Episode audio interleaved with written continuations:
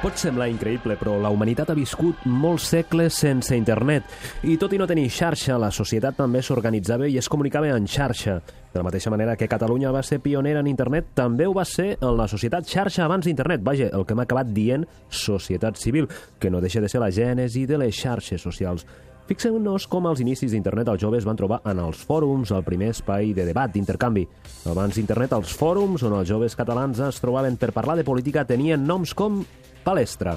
Aquesta associació xarxa va néixer el 1930 després que es fes una crida anomenada als joves de Catalunya. Vaja, que el futur del país passava pels joves. Les principals ments del país van veure que s'havia de formar els joves i Palestra va ser aquest fòrum d'intercanvi fundada per Josep Maria Batista i Roca, etnòleg, antropòleg, introductor de l'escoltisme a Catalunya, tenia com a president l'home que va endreçar la llengua, Pompeu Fabra, i Palestra era això, una entitat que enxarxava joves catalanistes de totes les sensibilitats i que els posava en el mateix fòrum, amb cursos d'història, literatura, art, dialèctica, excursions, competicions esportives. Palestra era l'espai de trobada dels joves catalanistes durant els anys 30. Va arribar a tenir 5.000 socis permanentment en xarxa, una pluja de debats, activitats, iniciatives.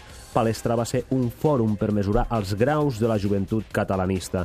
Van sortir-ne molts líders polítics i de la societat, com Miquel Coll a l'entorn, Joan Ainó de la Sarte, Joan Coromines i centenars de no tan coneguts. Palestra era, com la seva etimologia grega recorde, una escola de lluita.